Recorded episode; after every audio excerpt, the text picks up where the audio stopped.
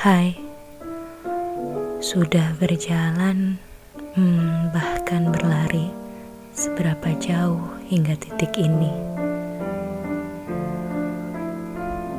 Sudah berapa banyak air mata yang dikeluarkan sampai di titik ini. Sudah berapa banyak kecewa dan kegagalan yang dilalui hingga titik ini. Enggak apa-apa, itu semua jadi pembelajaran. Itu semua menjadi kekuatan. Itu semua menjadi awal dari keberhasilan-keberhasilan di masa mendatang.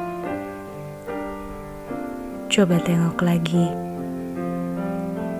mimpi-mimpimu yang mungkin dulu kau gantungkan dalam khayal-khayalmu menjelang tidur, atau bahkan kamu tuliskan dengan rencana yang matang. Mungkin nggak semuanya tercapai saat ini. Ada beberapa yang rasanya jadi lebih baik. Ada beberapa yang rasanya masih ingin diikhtiarkan lebih keras lagi.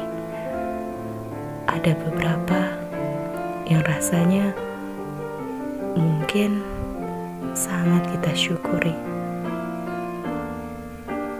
Tapi percayalah,